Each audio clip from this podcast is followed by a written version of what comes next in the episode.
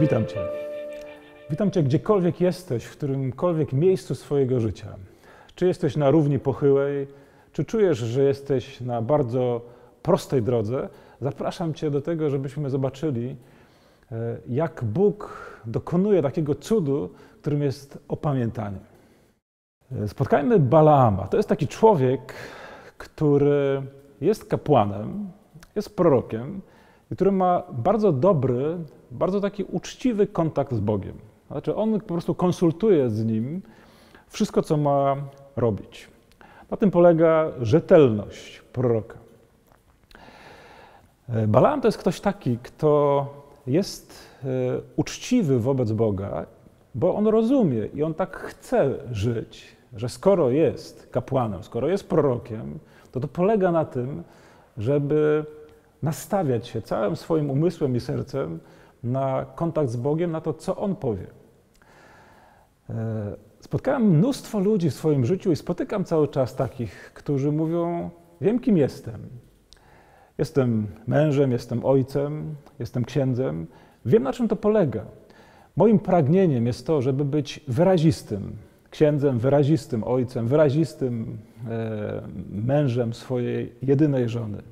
To w ogóle jest bardzo piękne spotykać takich ludzi, którzy mają wyrazistą tożsamość i którzy nie chcą z niej rezygnować, którzy rozumieją, jakie to jest y, super w ogóle w życiu, być tym, kim jesteś, y, być wiernym swoim wartościom i swoim przekonaniom. I wielu z tych ludzi mówi: Nigdy nie zdradzę swojej żony, nigdy nie uderzę swojego syna, nigdy nie odejdę z kapłaństwa. Co się takiego dzieje, że ludzie tacy wyraziści, tak dobrze wiedzący, czego chcą, w pewnym momencie nagle zaczynają się staczać. I o tym jest ta opowieść. O tym jest opowieść, e, którą możemy znaleźć w historii Balaama.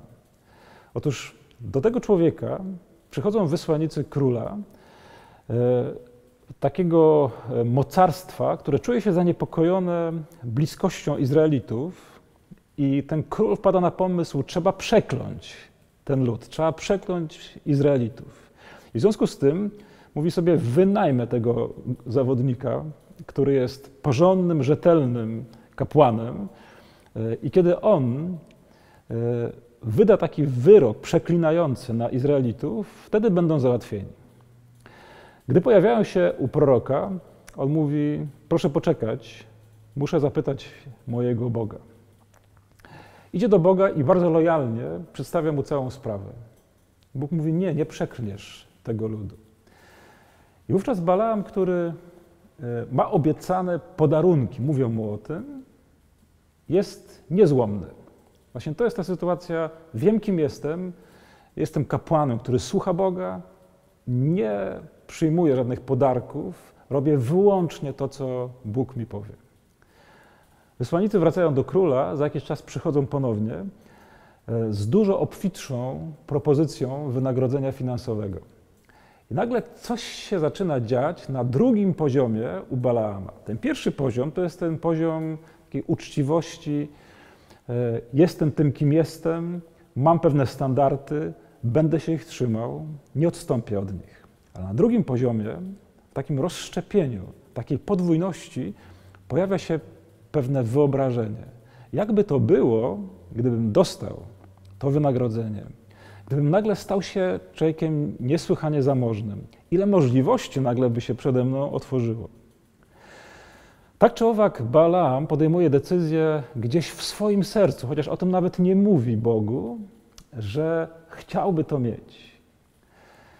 I ciekawe, że jakby Bóg zorientował się, że jego prorok właśnie wpada w tę pułapkę, dokonuje się pęknięcie w jego sercu i pozwala, aby wyruszył w drogę.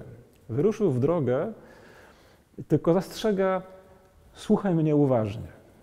I teraz jest taki niesamowity obraz, mianowicie e, Balaam jedzie na swojej oślicy i ta oślica w pewnych momentach zaczyna wierzgać ponieważ przed nią pojawia się anioł. Anioł jest tym, który chce powstrzymać proroka przed spełnieniem tego wyobrażonego pomysłu będę bogaty. Gdzieś właśnie pod spodem tej jego rzetelności, tej takiej przejrzystości pojawia się pomysł, wyobrażenie, jakby to było jednak super. E, I to zaczyna dominować w jego sercu. Bóg posyła anioła, który staje mu na drodze i on sam go nie widzi, Balaam, ale oślica widzi. E, I staje w miejscu.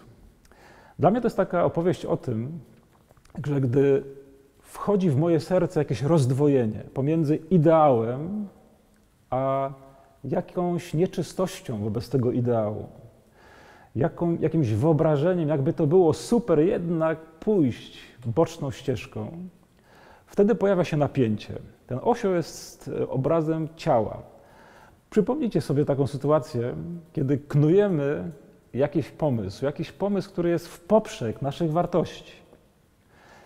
E, jak to zaczyna nagle mieć swoje odbicie w naszych ciałach, w naszych emocjach. Pan Bóg tak nas stworzył, to jest piękne. E, rozmawiałem z takim mężczyzną, który no, kocha do szaleństwa swoją żonę e, i któregoś razu jego kumpela z pracy mówi, wiesz co, miałabym ochotę przespać się z tobą. On początkowo w ogóle oburzony, jak ona ma taką czelność mówić takie rzeczy, przecież widzi jego obrączkę, przecież wie o tym, że on jest w ogóle wiernym mężem, że jest katolikiem, chodzi do kościoła. I wyobraźcie sobie, że to, te słowa nagle zaczynają żyć w jego sercu. Nagle znajduje się na takiej górze, w której wyobraża sobie, jakby to mogło być z tą kobietą. E, staje się nieswój, coraz więcej napięcia w nim, coraz więcej pojawia się takich różnych e, też iskrzeń w relacji z jego żoną, ponieważ już gdzieś w jego sercu został oczarowany, zafascynowany tym pomysłem. To właśnie jest to, o czym mówi ta historia Balaama. I wreszcie oślica przemawia do niego. Już nie wystarczy to, że ona próbuje go z tej drogi zwieść, odejść od tego celu, który gdzieś w jego sercu e, nim kieruje, ale przemawia do niego, ponieważ on ją bije, on próbuje złamać jej opór. E, gdy zgadzamy się na to, żeby w naszym e, myśleniu, sercu nastąpił taki rozłam, taka dwoistość, gdy planujemy coś, co jest w poprzek naszych wartości, e, wówczas ten głos z ciała, z emocji, z sumienia się rozlega, ale i to nie wystarczy. Musi dokonać się coś takiego, co naprawdę nami potrząśnie. Ten mój kolega, o którym mówię, e, mówi, że przyszła do niego jego przyjaciółka i mówi, słuchaj, coś się z tobą dzieje niedobrego. Nie jesteś sobą. Czy chcesz o tym porozmawiać? E, to jest ten głos, który przychodzi i który próbuje powstrzymać e, to szaleństwo, w które brniemy. Co się dzieje, gdy Balaam wreszcie dał się opamiętać, gdy dostrzegł to, jak bardzo się rozkręca wewnętrznie, jak bardzo wszystko w nim już jest nastawione na nieuczciwość, na grzech. Wówczas, gdy jego serce jest skruszone, idzie dalej. I Bóg go prowadzi na góry, z których król chce, żeby przeklinał Izraela, ale on ma zupełnie nowe spojrzenie.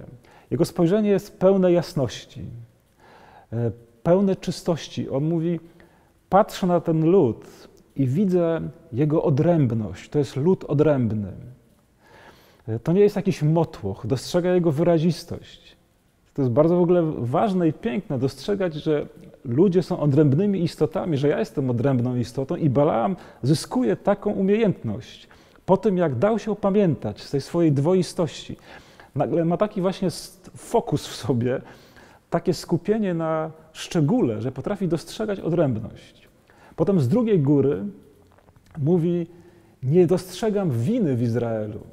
Zamiast skupiać się na tym, co złe, Bóg daje mu taką łaskę w tym oczyszczonym sercu, oczyszczonym spojrzeniu, że dostrzega świętość, świętość Boga w tym ludzie. To jest niesamowite. Dostrzec w drugim człowieku, pomimo jego biedy, e, dostrzec to, co jest najgłębsze, to, co jest obrazem Boga, świętością Boga w tym człowieku. Ale to może się stać wtedy, gdy we mnie ta dwoistość zostanie pokonana, zasypana, gdy się zatrzymam w tym moim rozjechanym życiu. I wreszcie z trzeciej góry mówi: Widzę Izraela, który jest bujny, pełen życia, e, jak cyprysy. Stąd tutaj ta palma za moimi plecami. E, zachwyca się jego pięknem, patrzy i widzi piękno. Jeśli dam się Bogu zatrzymać w moim rozdwojeniu, jeśli dostrzegę, że jestem człowiekiem zdolnym do wszystkiego, ale pozwolę Bogu to sobie uświadomić, zacznę słyszeć te sygnały, słyszeć głosy, które do mnie kieruje, wówczas moja wyobraźnia się oczyści. Mój sposób patrzenia na całą rzeczywistość radykalnie się zmieni. Stanę się człowiekiem, który wnosi błogosławieństwo.